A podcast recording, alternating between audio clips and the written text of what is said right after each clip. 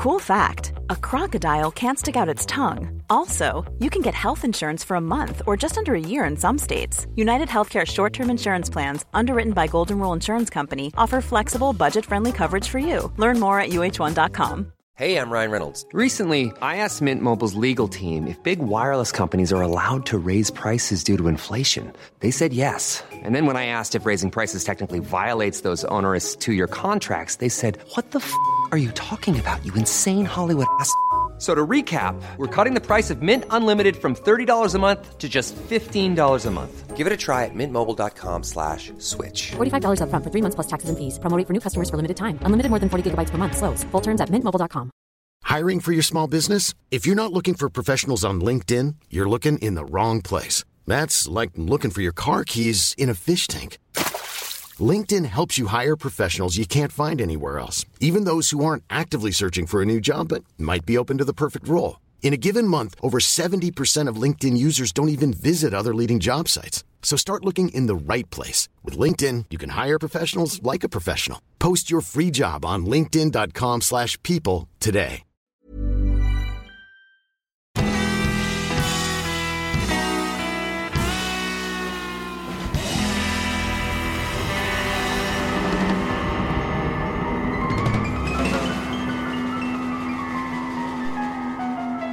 Hej allihopa och välkomna tillbaka till ett nytt avsnitt av Ståpäls. Och eh, det är ju som vanligt jag, Lukas och Ida! Ida. Ja! Ja, Hej! hej. Läget?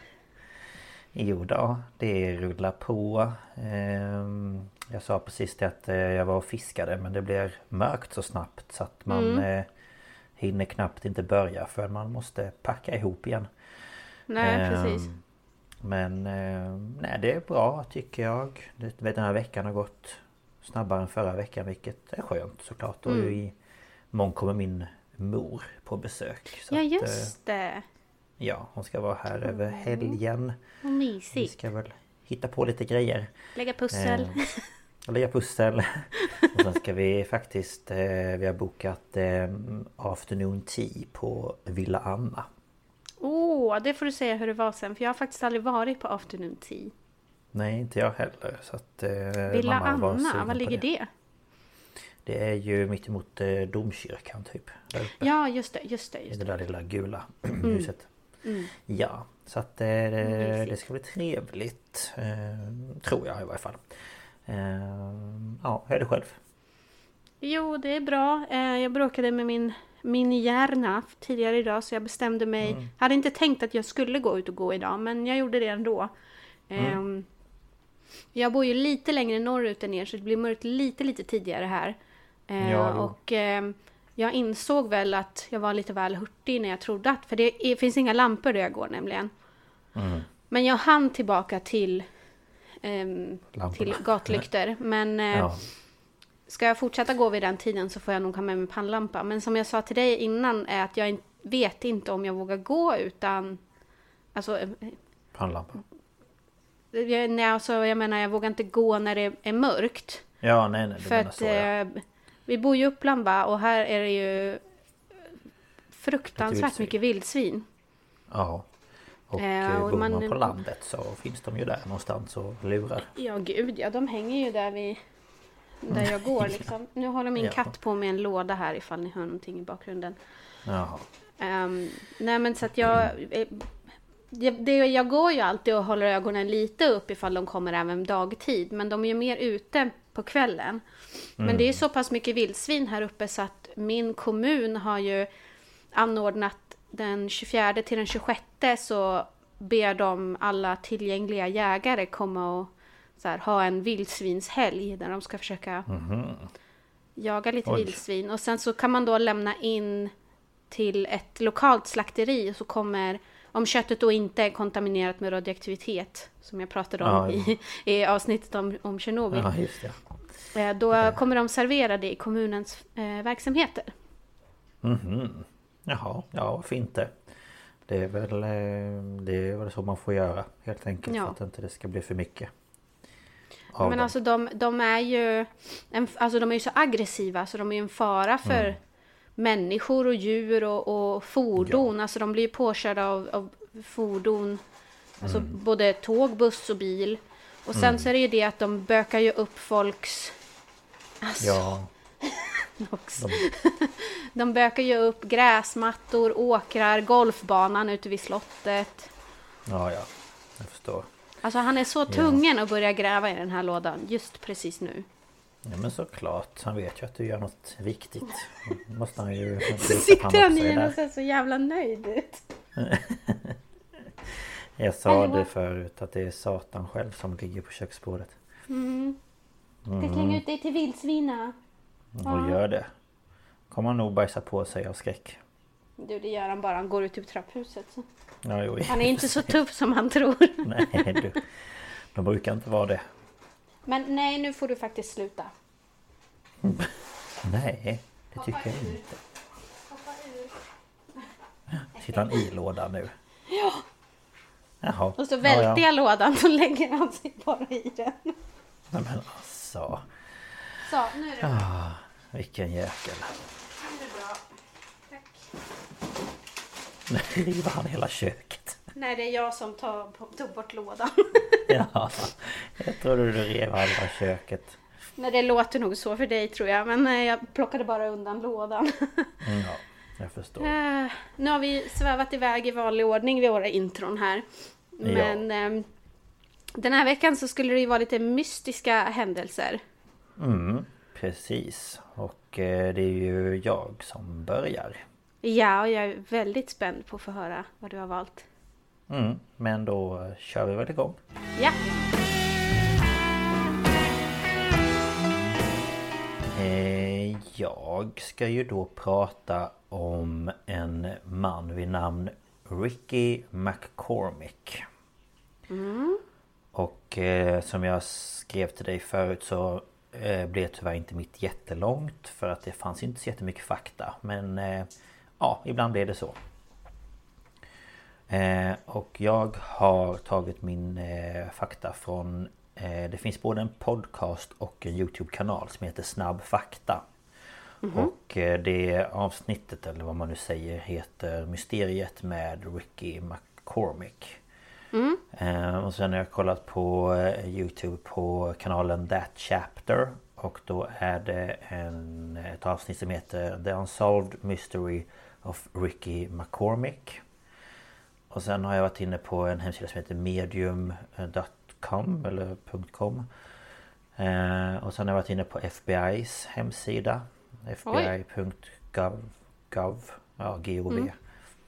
Eh, och sen en hemsida som heter thetruecrimefiles.com. Och sen lite på Wikipedia. det var, Och, inte, eh, var inte få källor ändå. Nej, det var mest bara det att många av dem sa liksom lite samma sak bara att det var Ja, lite vinklat men, på olika men då sätt. kan man ju ändå dubbelkolla faktan i alla Ja. fall. Ja men precis.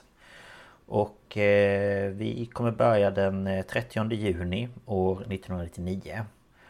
För då hittas en man vid namn då Ricky McCormick eh, död i ett eh, majsfält i St. Charles County i Missouri. Och eh, i sin ficka så kunde man hitta två lappar med anteckningar som FBI än idag inte har lyckats tyda.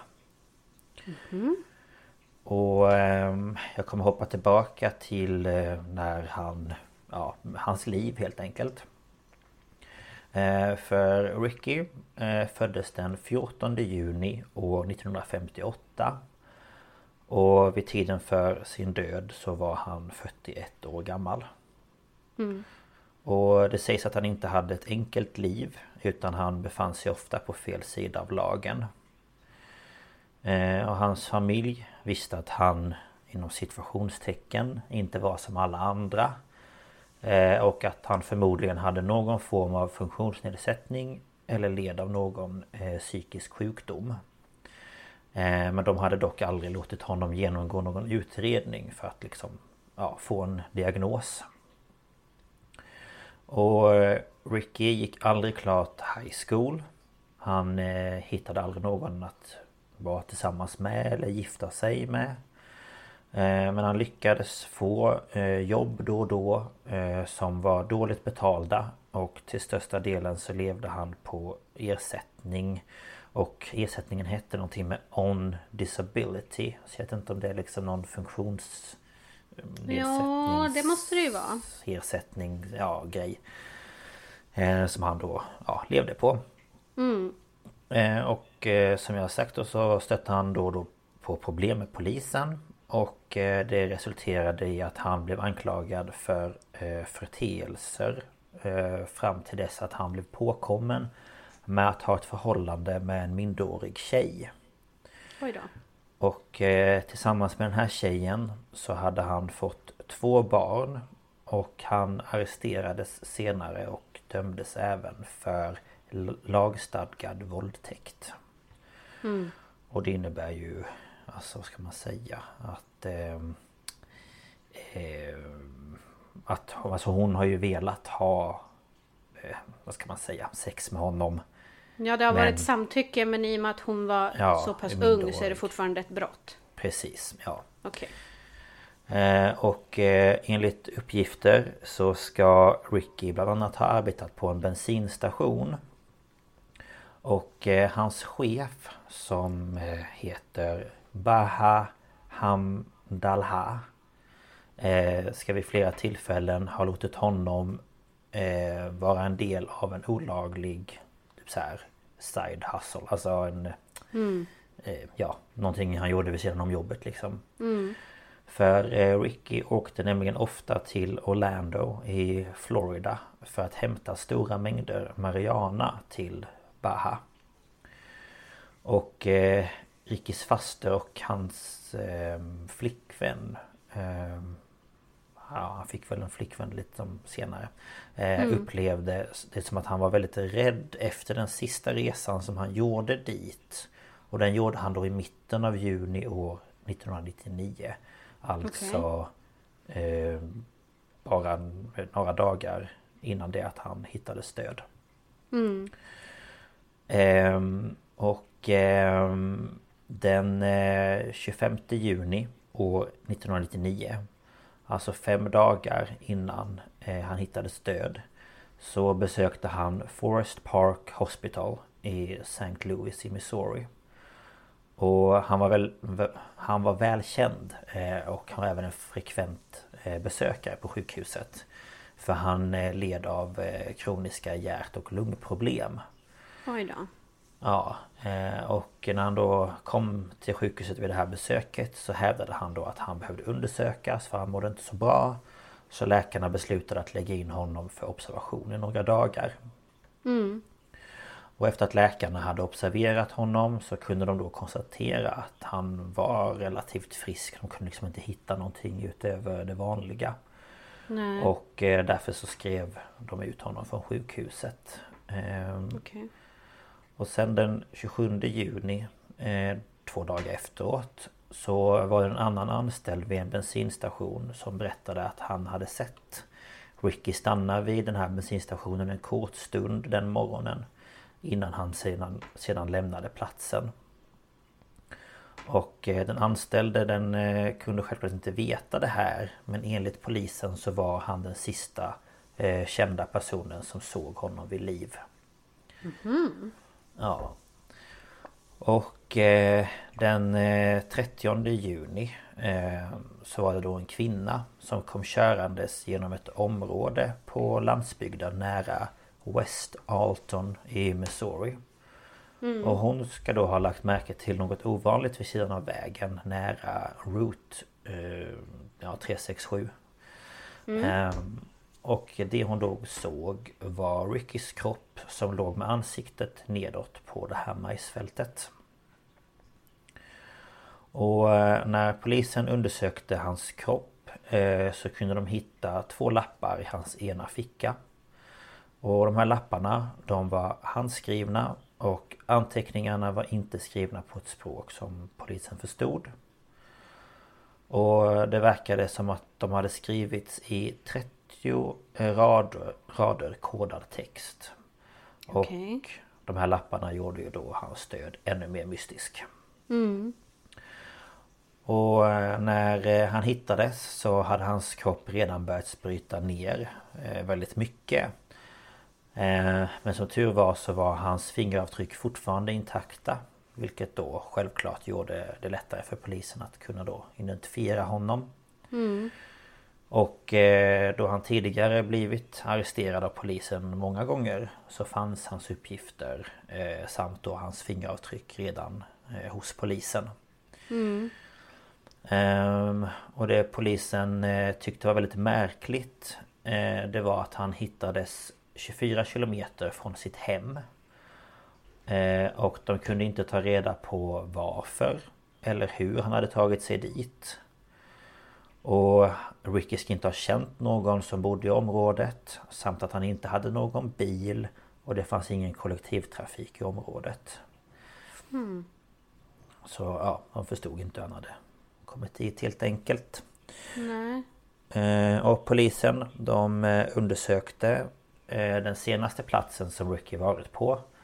Och de tyckte att det var konstigt att hans kropp redan hade hunnit brytas ner så mycket. Då han inte hade kunnat dö mer än tre dagar tidigare. Och för att liksom ja, försöka komma på varför så gick de tillbaka i väderprognosen. Men vädret hade varit måttligt och de kunde därmed inte liksom förklara det snabba förloppet genom att det hade varit jättevarmt liksom. Mm. Eh, polisen de förmodade därför att Ricky kunde ha dödats någon annanstans och sen förvarats i till exempel ett varmt uthus eller ett bagage till, ett, till en bil eller ja, ett fordon. Mm. Innan hans kropp då dumpades eh, på majsfältet. Mm. Ehm, och eh, rättsläkaren eh, kunde inte bestämma dödsorsaken och till en början så uteslöt man eh, mord. Ehm, men polisen i sin tur kunde inte hitta några motiv till varför han blivit mördad. De kunde inte hitta något mordvapen och de kunde inte hitta några vittnen. Men trots det här då så trodde de ändå att han hade blivit mördad. Ja. Ehm, och eh, polisen de valde också att titta på möjliga misstänkta. Eh, för att ja, kunna liksom hitta någon som kunde ha gjort det. Ehm, och en av dem var Gregory Lamar Knox.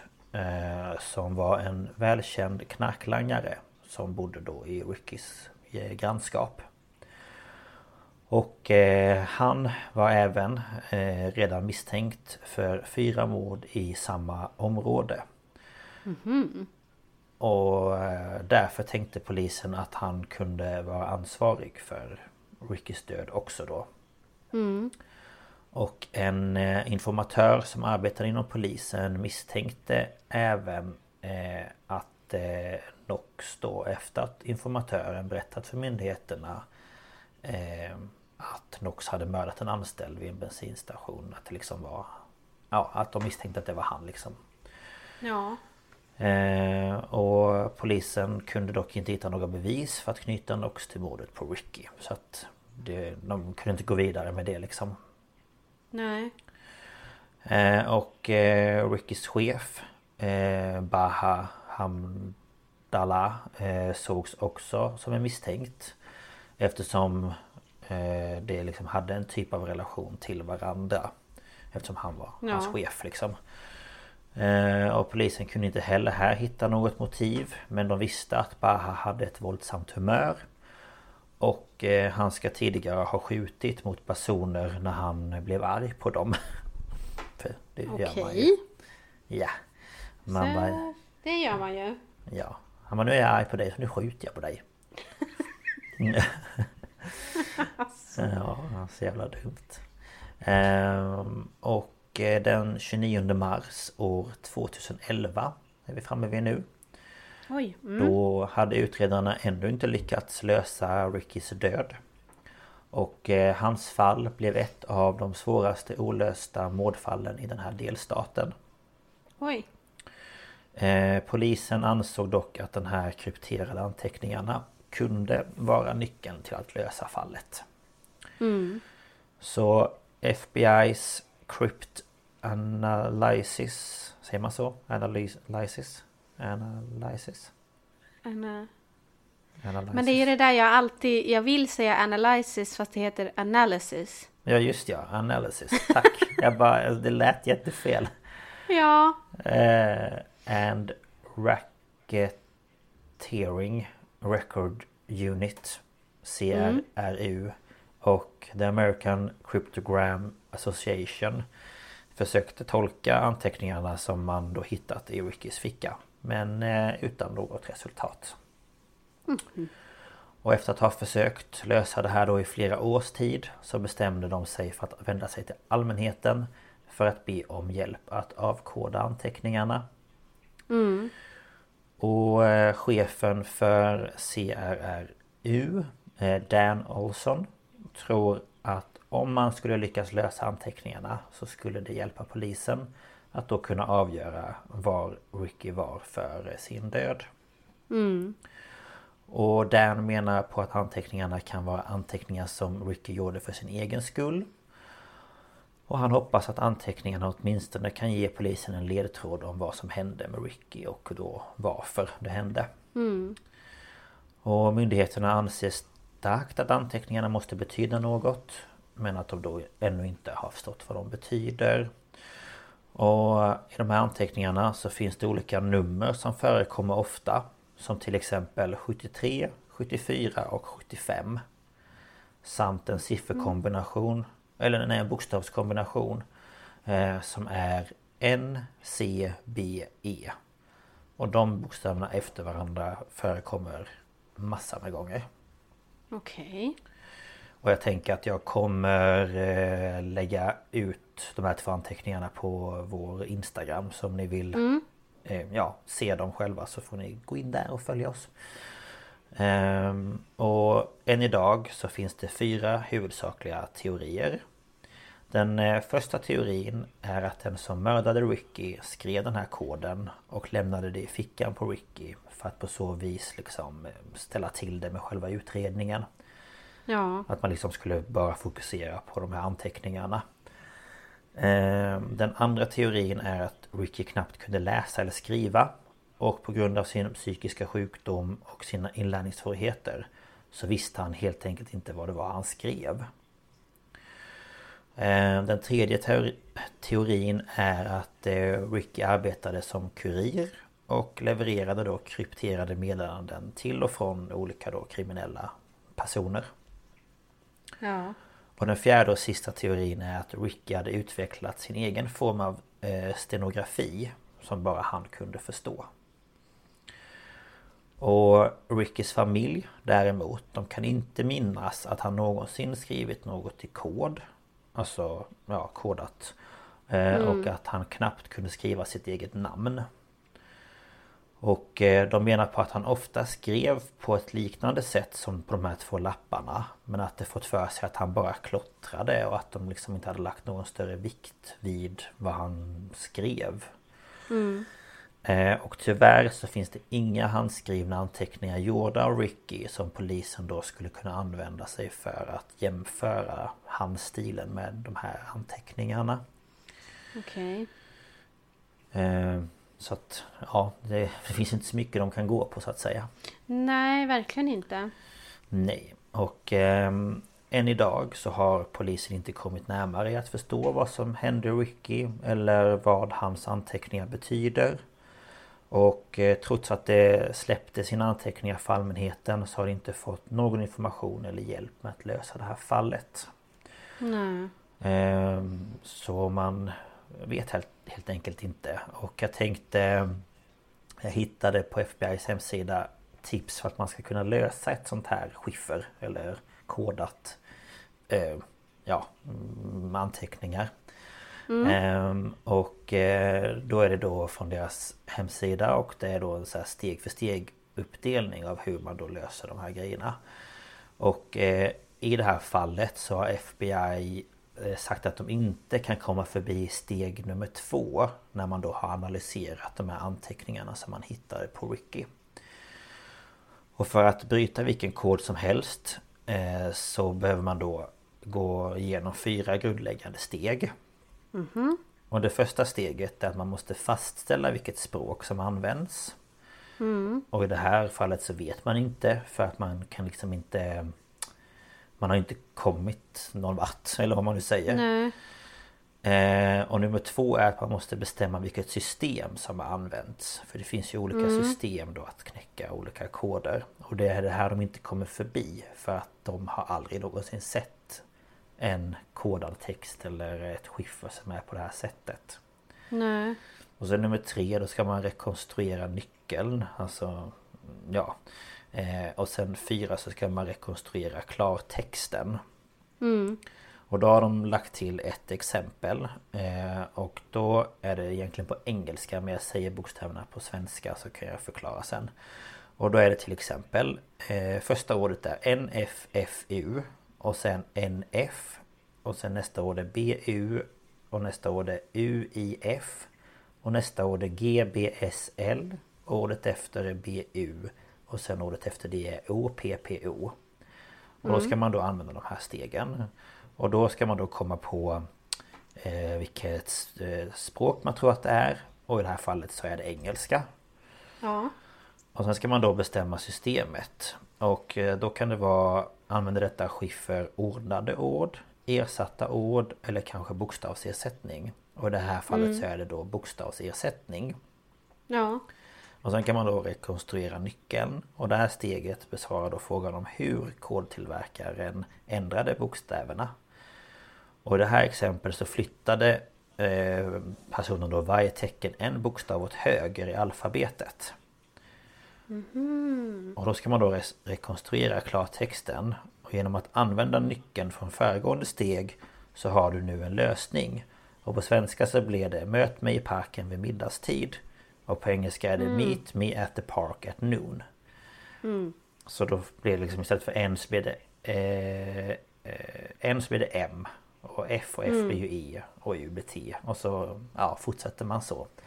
Ehm, Så det är liksom ett sätt att lösa en sån här grej på. Men de kan inte komma längre för att de förstår inte alls hur det här är eh, gjort. Ehm, så det är ju lite intressant.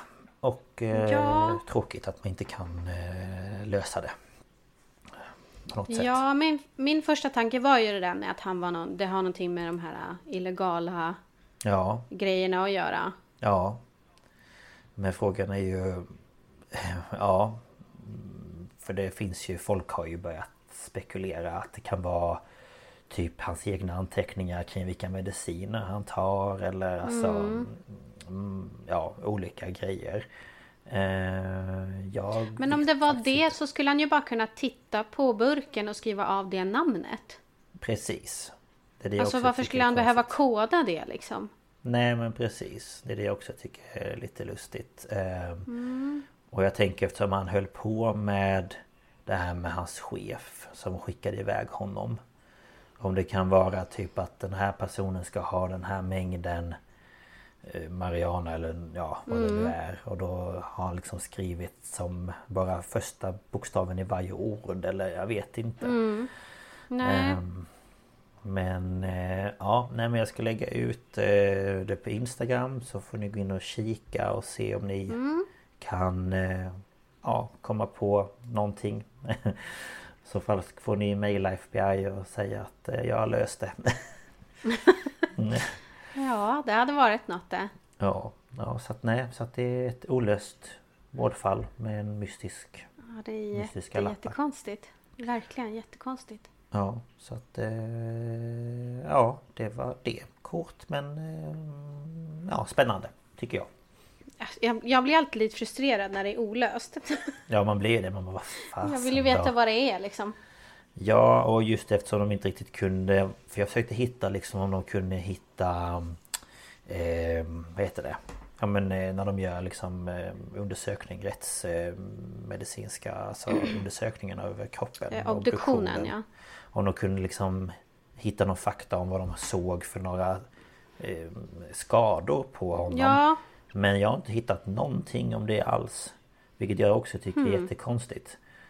För de rättsläkare menade ju på att det inte var ett mord. Medan polisen menar på att det måste ha varit ett mord. Mm. Så det är det jag menar, vad hade han för skador? Ja, det är det jag också undrar. Ja, för det har jag försökt. Jag sökte liksom på hans namn och ja, massa olika så här, obduktion, rättsläkare, bla bla bla, på engelska men mm. hittade ingenting. Hmm. Så det är också lite ja, Det är verkligen jättekonstigt. Mystiskt.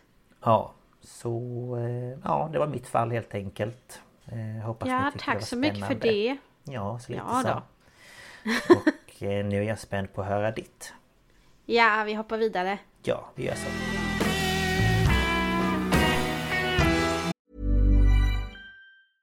Ryan Reynolds here from Mint Mobile. With the price of just about everything going up during inflation, we thought we'd bring our prices down. So to help us, we brought in a reverse auctioneer, which is apparently a thing.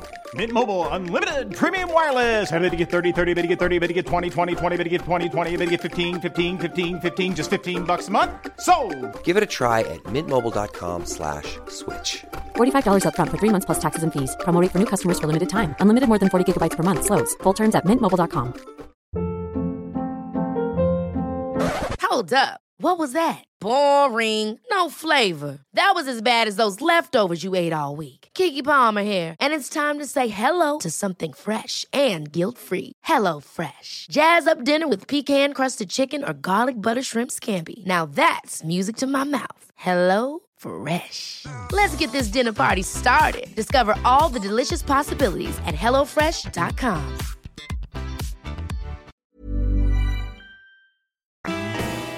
det jag har valt den här veckan är lite annorlunda från ditt. Mm. Um, jag har ju som ni ser på titeln valt att prata om Estefania Gutierrez Lazaro. Mm. Uh, och jag har uh, lite blandade källor. Jag har varit på Youtube och kollat på två um, kanaler. Den första hette The Paranormal Scholar. Och videon -huh. heter The Vallecas Haunting, The True Story Behind the Movie Veronica Documentary. Och sen har jag kollat på en som heter Bratterstein. Eh, och videon heter The Vallecas Haunting The True Story of Estefania Gutierrez Lazaro. Mm. Eh, och sen har jag läst på addictvoices.com, ghostwatch.net, oralcrave.com och så har jag lyssnat på en podcast som heter Lights Out Podcast avsnitt 42 Ouija Board Gone Wrong The Chilling Haunting of Estefania Gutierrez Lazaro. Mm. Ja. Jag berättade för Lukas innan om eh, de fantastiska amerikanska uttalen man kan få. Ja, jo, när man... eh, när man ska prata eh, spanska när man är amerikan. Mm.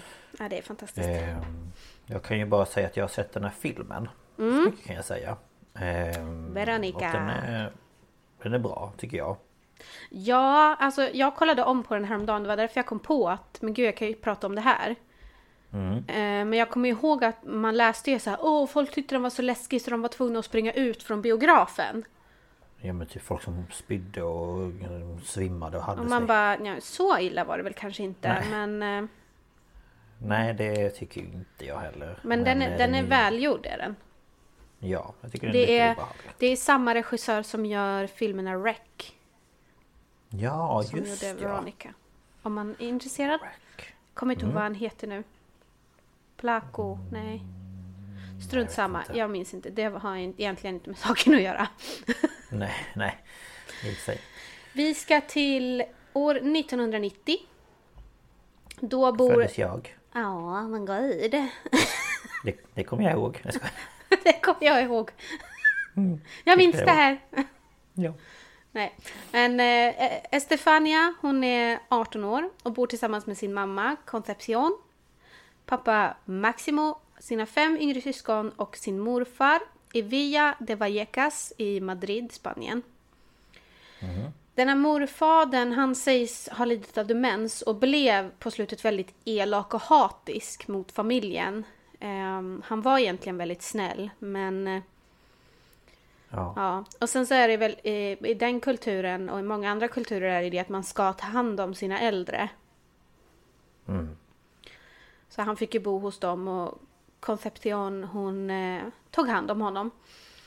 Mm. Eh, men ja. till slut så var det ju dags för honom att vika härdan så att säga. ja. så när han låg på sin dödsbädd så mm, ber då mamman, hela familjen komma och säga farväl. Och det sägs då att morfaderns sista ord ska ha varit till Estefania. Och han ska ha viskat till henne om jag inte kan skada dig i detta liv kommer jag göra det i nästa. Nej men för sjutton. Och sen så dog han. Men vilken... eh, Det är ju inte det man vill minnas från sin eh, morfar. Nej, inte riktigt. Nej, det är trevligt. Ja, verkligen. Oj, nu hoppade det i dokumentet här. Eh, några månader efter att han dog så dog en av Estefanias vänners pojkvän i en motorcykelolycka. Och a- alla var ju i sorg. Och de vände sig då till det ockulta för att kunna kontakta honom.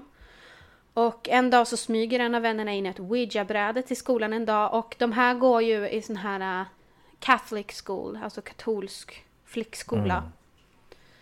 Eh, hon smyger, smyger in det och de bestämmer sig för att i all hemlighet då använda det. Och de har då, det är ett klassiskt ouija-bräde. Eh, men de har ingen planchett utan de har ett, antingen vissa säger shotsglas och vissa säger bara glas. Ja, okej. Eh, under seansen så kommer då en lärare in och avbryter dem. Och enligt historien ska då glaset de använt istället för planchett ha krossats. Och en svart rök ska ha stigit från brädet och då mot Estefania som då andas in den. Ja, just ja. Ja. Eh, kort efter den här händelsen så börjar man se små förändringar i Estefania. Men alltså det var ändå väldigt markanta förändringar i hennes beteende. Alltså hon, hon var ju en väldigt snäll och ansvarstagande flicka. Hon tog väldigt väl hand om sina småsyskon och så vidare. Eh, Men alltså, jag kommer att kasta ut katten snart. Nu är han på kartongerna igen. Kasta ut honom på balkongen. Nox! Han sitter och frysa. Mamma fixar här, kan du gå? Ut, Nej. ut. Hej då, nu lägger jag mig i fred. Hej då. Ja, det inte lätt. Nu är jag tillbaka vid mikrofonen. Jag fick eh, stänga köksdörren helt enkelt. Ja, ja det kan vara ute. Får ju för fan ryck. Kan inte få vara i fred i fem minuter eller? Nej du. Eh, ja. Men de här förändringarna, även om de började smått, så eskalerade de väldigt snabbt. Eh, Och det började med att då, det påverkade hennes sömn. Eh, hon eh, kämpade med sömnlöshet. Men när hon väl kunde sova så plågades hon av hems- hemska mardrömmar och hon såg skuggvarelser då i drömmarna som ropade på henne. Eh, Men hon behövde inte ens sova för att eh, se de här skuggorna. För att hennes familj sa att hon såg skuggor som följde henne runt i lägenheten, i hörnen av rummen, i korridoren. Och att de viskade till henne och bad henne följa med dem. Och eh, hon kunde till och med hamna i frekventa transer. Som varade i 15 till 20 minuter. Alltså hon bara, hon bara stängde av. Du vet som när man fastnar med blicken. Mm, ja. Eh, och när hon kom ut ur de här eh, transerna då, eller liksom så, så sa hon att hon var i en lång korridor fylld av dimma och att hon hörde de här rösterna. Okej. Eh, Concepcion och Maximo tog Estefania till sjukhus flera gånger och hon träffade otaliga olika specialister på fyra olika vårdcentraler.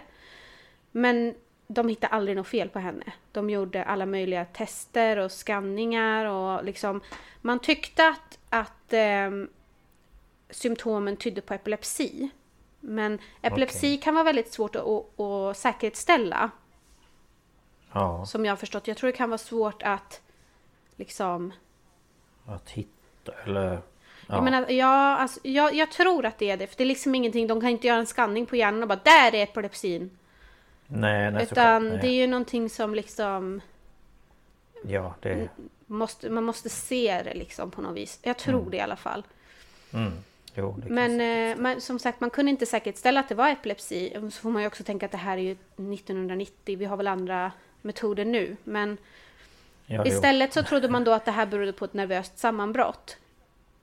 Ehm, Mm. Alltså stress och så vidare och sorg och, och Mm. För visst, man, man kan ju när man har mycket ångest och stress i kroppen zona ut. Men kanske inte riktigt så här. Men det var det Nej. de trodde. Ja, ja. De här symptomen de blev bara värre för varje dag som gick. Och det var inte bara liksom Estefania som förändrades utan lägenheten.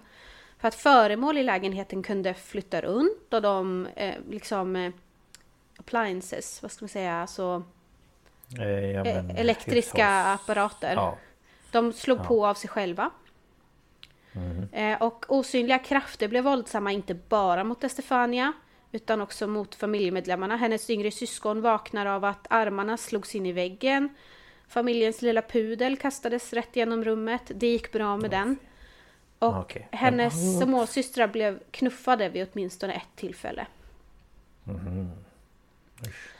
Estefania delar, sys- eh, delar rum med sin syster Marianella. Eh, och hon påstod att hon, kunde, att hon hade vaknat en natt och såg Estefania sväva över sin säng. Inte mycket, hon sa att man kunde stoppa handen under. Men eh, Okej. Men Ja. ändå.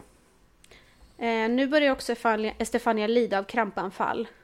Eh, och vissa är så kraftiga att hela kroppen blir stel.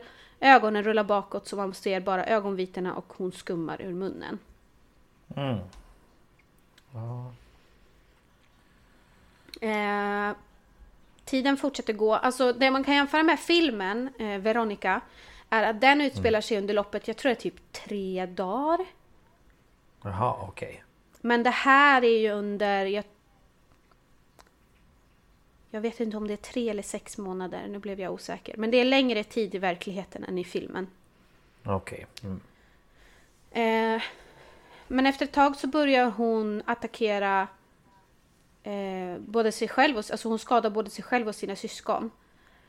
Och hon eh, blir väldigt irriterad och aggressiv och morrade och skällde åt sin lillebror. Ja. Fy. Eh, och vid ett tillfälle ska hon ha attackerat sin eh, syster och skadat den flickan så illa så att hon hamnade på golvet och skummade munnen. Så det, det är våldsamt det här. Ja, det verkar ju inte bättre. Eh, och alltså aktiviteten runt om eskalerar. Ehm, det var ju uppenbart att Estefania var den som upplevde mest. Men nu började föräldrarna och syskonen se saker som rör sig på egen hand, dörrar som slår igen och låser sig. Och alla ser vid något tillfälle en sån här skuggvarelse. Eh, och i ett fall så gick Estefania till badrummet för att göra sysslor. Eh, alltså de hängde väl tvätt och tvätta och strök och sånt där. Det här, man säger sen att badrummet är något slags epicentrum för eh, aktiviteten. Men hon Okej. står där inne och då dyker en silhuett upp och strykjärnet slog på. Men det blev inte varmt, men det, blev, det slog på, det tändes. Och Estefania får panik och eh, skriker på mamma så hon kommer in och då, lås, då låser sig dörren. Och de kommer inte ut. Men gud. Så pappa Maximo var ju tvungen att komma och, och Låsa eh, slita upp dörren. Jaha, oj. Ja, jäklar.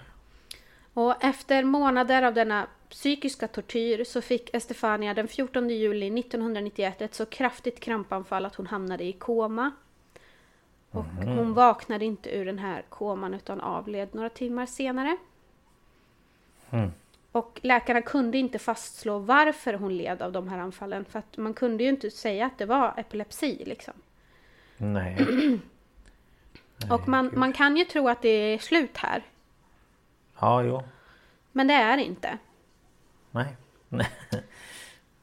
Ehm, för även om det var uppenbart att det var Estefania som drog någonting till sig med ouija-brädet och att det var hon som var målet. Så verkade ju de här illvilliga varelserna som hade släppts in, de, de tänkte stanna. För faktum är att det blev värre efter Estefanias död. Ja, ja. Concepcion, hon rapporterar att hon hör Estefania skrika från sitt rum. Aha. Eh, och ingen är ju där liksom. Nej, men bara hon lever inte, nej. Nej. Eh, hon har även hört henne i badrummet. Och det här är vilken tid som helst på dygnet liksom. Eh, Okej. Och det slog nästan konstant i väggarna. Och föremål fortsätter att röra sig, apparater slog på och av, liksom, ja, lite som de ville. Eh, Glas exploderar. Vid ett tillfälle så hör de också en gammal mans hotfulla skratt. Och man, de tror då att det är morfadern. Usch vad obehagligt. Ja, verkligen. Alltså... Eh, familjen ser mörka figurer i taket. Alltså de så här kryper längs väggarna, upp i taket, ner på golvet. Ja men fy. Ja. Tänker bara på den där creepern, vad han heter i... eh, Waverly Hills, Eh, ett sanatorium. Ja, fy fan. Ja. Nej, alltså, nej. Man får Nej. lite panik. Mm, lite. Estefanias syskon blir fortfarande väckta av saker och skadade av något i hemmet.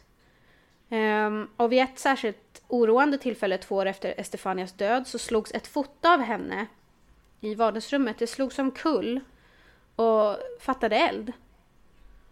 Men det var bara hennes ansikte som blev bränt.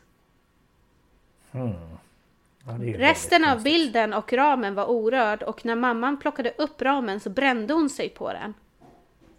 Jaha. Men den var inte brännskadad. Det är ju jättekonstigt. Ja, verkligen. Ja. En kväll när Maximo leker med en son. Jag vet inte, jag vet inte exakt eh, ration mellan pojkar och flickor här i syskonskaran. Men han leker i alla fall med en av, en av barnen, ett av barnen, sonen. Mm. Och de börjar höra knackningar. Och hela familjen samlas då i vardagsrummet och stänger dörren. Men plötsligt kom en stark vind och slog upp dörren. Och alltså de fick slita igen den. För den liksom... Det var som att någon höll kraftigt, emot. Liksom. Ja, ja. Eh, och de barrika- barrikaderade dörren med en soffa och lade dit andra saker som liksom skulle då tynga soffan. Men Jaha. trots det så knuffas soffan iväg och dörren flyger upp. Men gud. Det måste vara en jättekraft. Verkligen. Nu har de för- börjat få nog. Så att de börjar söka hjälp hos paranormala utredare. Och ehm, det kom väl personer som eh, utgav sig för att de skulle hjälpa familjen. Men allt de gjorde var ju kom dit, retade upp saker och ting för att de skulle få saker på film och sen gick de. Nej men, Så varje gång de lämnade så blev saker bara värre. ja, men såklart. Eh, vid ett tillfälle kom ett medium till lägenheten och det finns, det var med på nyheterna då i Spanien. Ett klipp när hon sitter i badrummet och hon typ har blivit lite besatt av någonting.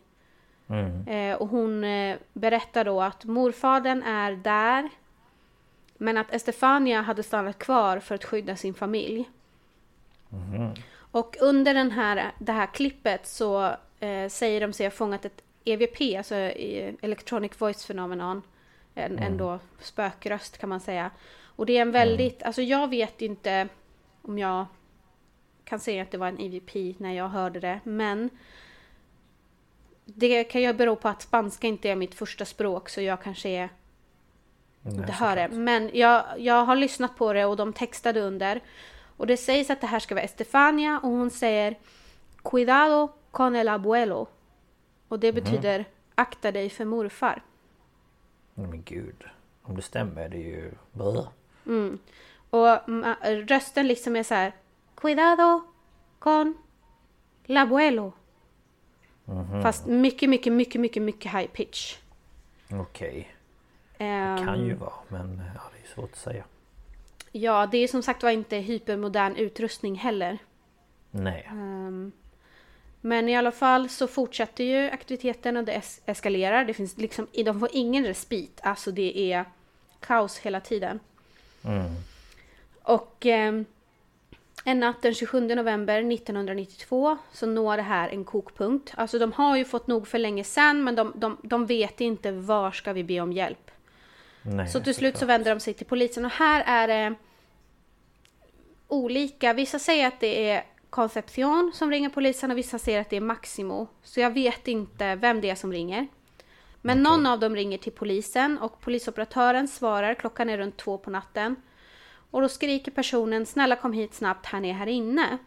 Och eh, man får inte riktigt fram vem, vem hon menar, men, eller vad personen menar, men att det låter som att det är panik. Och eh, den här operatören försöker liksom få dem att förklara. Men när de börjar prata om att det är andra grejer så blir man ju skeptisk. Och då ber man att få prata med då antingen då man eller hustru, vilken det nu är som har ringt. Man ber att få prata Ja. med partnern för man tänker den här människan är ju full eller hög. Ja, ja. ja. Quay, quay. Men eh, när partnern då tar över och säger samma sak så blir det så här, men vad har ni gått på? Och då lämnar de över så alla barnen får också säga. Och då börjar man väl liksom tänka att okej, om inte annat så måste vi åka dit för barnen kan ju fara illa. Mm. Eh, men de skickar i alla fall över en polisbil till Calle Gerardo Núñez nummer 8 i Vallecas som då är en stadsdel i Madrid. Mm. Och ehm, familjen står då ute samlad i regnet när polisen kommer. Okej. Och ehm, de eh, ringer dit fler. Det är fem poliser och en detektiv som heter... Eh, vad heter han då? Hans namn kanske kommer senare. I alla fall, jag tar hans namn senare. Mm. Men ehm, de tycker det är konstigt att de står ute i det kalla liksom. Ja, ja. Men de följer med familjen tillbaka in och frågar vad det är som har hänt och då förklarar Maximo alla paranormala händelser, inklusive nya grejer och det är det att kors på väggarna vänds upp och ner. Ja. Och eh, det är skrapmärken på väggarna och polisen blir ju så här. Mm. Ja, Eh, nej, men, eh, det. och så de går in och då säger Concepcion, eh, I, typ I dare you to turn the lights off. Och då är det då den här detektiven José Pedro Negri. Som bara okej, men vi släcker. Och till deras fasa så börjar det smälla i väggarna. Skit. Och de tänder ju omedelbart och ser att ingen har ju rört sig. Nej. Eh, och då börjar de bege sig mot sovrummet för att undersöka ett ljud som de trodde kom därifrån. Och då hör de en kraftig smäll från balkongen. Och ska även ha hört någon skrika så de skyndar sig dit. Men det är ingen där och det är ingenting som har tappats. Trots att det liksom lät typ som en explosion för att det var så... Högt. Ja. Mm. Ehm, dessutom så sägs det också att de står vid någon slags, jag vet inte om det är köket eller vad det är. Och någon av poliserna får för sig att skrika till den andra och ducka. Han vet inte varför, men han säger ducka och precis när han gör det och, och kollegan duckar så smäller en av, av luckorna upp och hade då kunnat träffa honom i huvudet. Nej men gud. Vilken eh, förnimmelse. Och det var bara de två i rummet. Eh, och med det här då så bestämmer sig de fyra poliserna att det här, det blir för mycket. Det är en som till och med blir så upprörd så han går ut och spyr. Jaha, oj. Eh, men då är det eh, Detective Negri och en till polis som är kvar. Och de försöker ju hitta vad är det som hållit på. Men de hittar ju ingenting och då hör de att det smäller och liksom, ja men det, det är någon som river runt i Estefanias rum. Och då går de in där och då ser de att ett kors har rivits av väggen.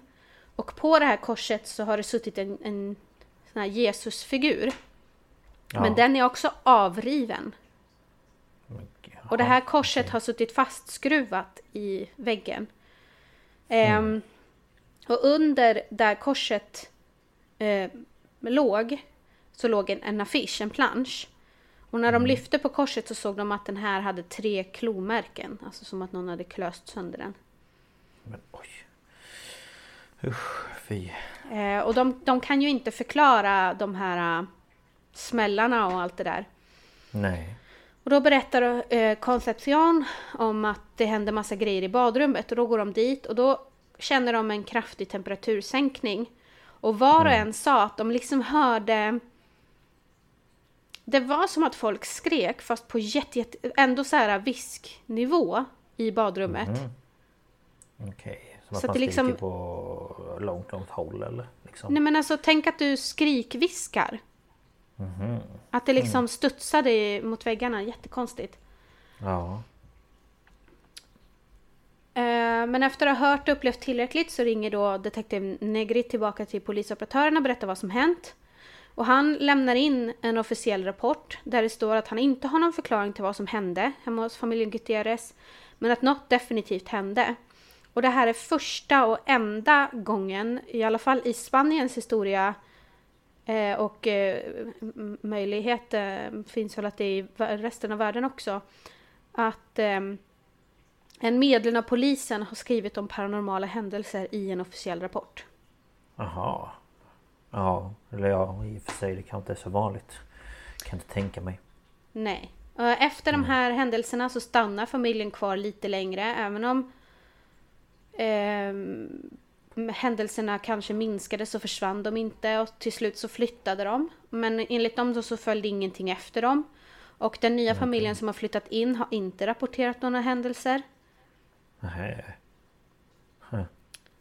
Ehm, det är väldigt konstigt. Ja. Och 2006 så var det populära programmet Cuarto Milenio eh, och gjorde en paranormal, alltså det är typ som Ghost Adventures fast i Spanien. De gjorde en Jaha. paranormal utredning i lägenheten och i postproduktion, alltså när man sitter och klipper, så menar de att de har fångat en oförklarlig röst i en intervju med Maximo och Concepcion i deras nya hem. Eh, och den här rösten hade jag jättesvårt att höra, men som sagt det kan ju bero på att spanska inte är mitt första språk. Men den här rösten ska i alla fall ha sagt No hemos comenzado. Och det betyder Vi har inte börjat. Som att Men, de eh, eh, inte hade, alltså att de var kvar men de hade liksom... ja, men det känns ju som avvaktat. att du, du, det här är bara början. Du har inte ens... Nej, vi har inte ens kommit igång ännu. Nej. Men trots den här äh, väldigt hemska varningen så säger familjen att de inte upplevt något mer. Men det kan ju också vara som de säger. Ja men såklart, det vet man ju inte. Eller de kanske inte ens tror på grejerna. Alltså, Nej, alltså jag menar... De är väl antagligen katoliker. Jag tror att eh, katolicismen är väl, är väl det största i, i Spanien. Och det här med att ha... Det är det jag har tänkt, varför har ingen präst varit där? Men det kanske det har varit, bara att det inte gjorde någonting. kan ju vara så. Eller att de inte visste vad de skulle göra. Eller ja, Eller så är det det att de skäms, jag vet inte. ja det kan det väl också vara. Att det kanske inte är någonting man pratar om liksom öppet i... i så att man kanske blir stämplad som koko. Nej men... Mm. Och om man ska liksom berätta då om den här filmen Veronica så är det ju från början så att i filmen så vill hon ju kontakta sin pappa som är död och inte en kompis. Mm, just ja. Eh, och att mamman inte är så närvarande. Hon jobbar väldigt mycket så hon tar hand om sina tre yngre syskon. Eh, och att det här sker under mycket, mycket kortare tid. Ja precis. Ehm, men annars är det ju slutet liksom så är det ju det kommer ju polis och så. Jo det minns jag Ehm. att det spårar. när de kommer. Mm. Ehm, men ehm, filmen, jag tycker den är den är sevärd. Jag tror att den kom kan det ha varit 2016?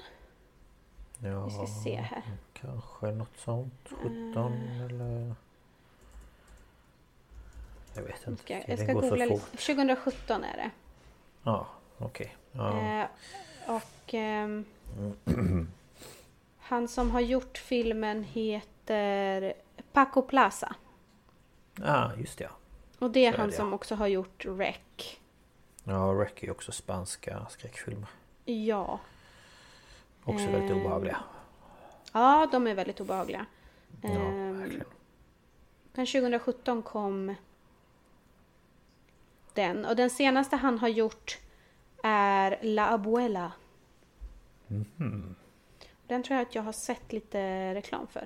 Så den kanske Mm. man ska kolla på. Men ehm, ja, i alla fall om man vill se en filmatisering om det här fallet så kan man kolla på Veronica. Men ta med, då med en nypa salt. Ja, jo såklart. men men, eh, eh, väldigt så de- obehagligt. Ja, men så de eh, vet fortfarande inte varför hon eh, dog. Nej, alltså rent, rent medicinskt så kan man inte säga vad det var som orsakade de här anfallen. Nej, Ehm, så det är ju mystiskt. Eller liksom... Ja, för att... Ja. Om hon var frisk Hon- hon- sen tidigare. Ja, precis. Och att hon Ja, då skulle ha fått ett konstigt. nervöst sammanbrott som orsakar sådana anfall Ja, är ju lite konstigt. Då skulle det ju i så fall vara det med epilepsi. jo men precis. Men eh, i och med att de Och inte det- kunde hitta det. Nej. Nej, det är ju konstigt. Och eh, jag menar om alla i familjen upplever samma sak så är det ju inte Mm. så att det bara är en som får för sig saker utan då är det ju verkligen att alla har samma historia. Jag läste lite teorier på Reddit om att det skulle Ja. ha varit väldigt mycket mögel i det här huset och att det då skulle ha varit någon slags hallucinationer orsakade av mögelsporer. Men Jaha. Jag vet inte. Jag tycker det låter lite långsökt. Men var det ett lägenhetshus? Alltså Ja, det, lä- lägenhetskomplex? ja, precis. För borde inte alla eh, känna av det då? Alltså alla i hela läget? Alltså, Jo, man kan, ja. Det är det jag menade. Jag tycker hus. det låter lite...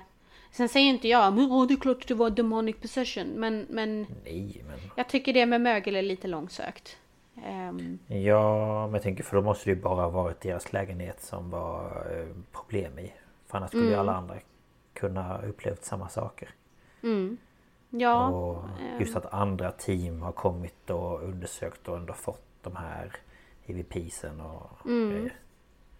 Ja, nej, jag vet inte. Väldigt Nej. spännande i varje fall. ja, det är alltid lite läskigt med sånt här. Ehm, Ja, det är ju inte det riktigt lika våldsamt som med hon eh, tyska flickan Annalise Michel. Men, eh, men gud, ja. men, eh, Ändå, men likväl hemskt. Ja, och ja, både hemskt och intressant och så. Vi, vi gillar ju det paranormala så att... Ja, här får vi ju ännu en anledning då till att man ska vara noga. Om man nu ska använda ett ouija-bräde så måste man vara noga med att följa de regler som finns. Ja, alltid säga hej då. Ja, och att inte få, du får inte släppa taget så abrupt och liksom, alltså du måste stänga den porten du öppnar och liksom Och sen är det det att du kan ju ha en önskan om att tala med någon specifik men du vet ju aldrig vem det är som du pratar med. Nej. För du öppnar ju bara en dörr och vem som helst kan komma dit liksom. Ja, det är ju det. Och det kan ju som sagt både vara goda och onda. Det vet man aldrig så det är jätteviktigt. Så är det ju också när vi har varit och gjort våra utredningar. Då har vi ju varit väldigt tydliga med att eh, vi har varit väldigt tacksamma att få prata med de här människorna. Men att de inte får följa med oss hem och ja. Sådär. Så att det... Ja. Ja, nej, det var väldigt spännande fall tycker jag. Eh, jag kanske ska kolla på filmen igen bara för att få lite en eh, upp... eh, Vet det? En recap ja. Ja. Ja. Ehm, för det var ett tag sedan jag såg den nu. Ja, vi såg den väl Ja. när den kom tror jag. Ja, det gjorde vi tillsammans. Så jag slog på den bara av en ren slump häromdagen och tänkte men är inte det här baserat på verklig historia? Jo det är det. ja, just ja. Ja, nej, men det var lite olika fall vi hade valt den här gången. Båda mord, eh, alltså inte mord men Men död. dödsfall. Eh, Ja. Det var döden. Ond, bråd men, död. eh, Lite olika så att... Ja. Mm. Tack för eh, att ni har lyssnat den här gången. Ja, eh, som vanligt kan ni ju mejla oss om ni vill. Och det är på mm. staphalspodcast Eller gå in på Instagram, tryck på följ och eh, eh, skriv till oss där. Där heter vi Staphals podcast. Eh, Och som Lukas nämnde i sin del så kommer vi lägga upp bilder och, och sådär. Om vi vill ha något vidare liksom så här. Att vi pratar om någonting specifikt som vi liksom vill ge en visuell koppling till. Precis. Mm. Så det låter bra. Men eh, ja, tack som sagt. Eh, Tack som sagt. får ni ha det så bra. Mm, så hörs vi nästa vecka. Det gör vi. Hej då! Hej då!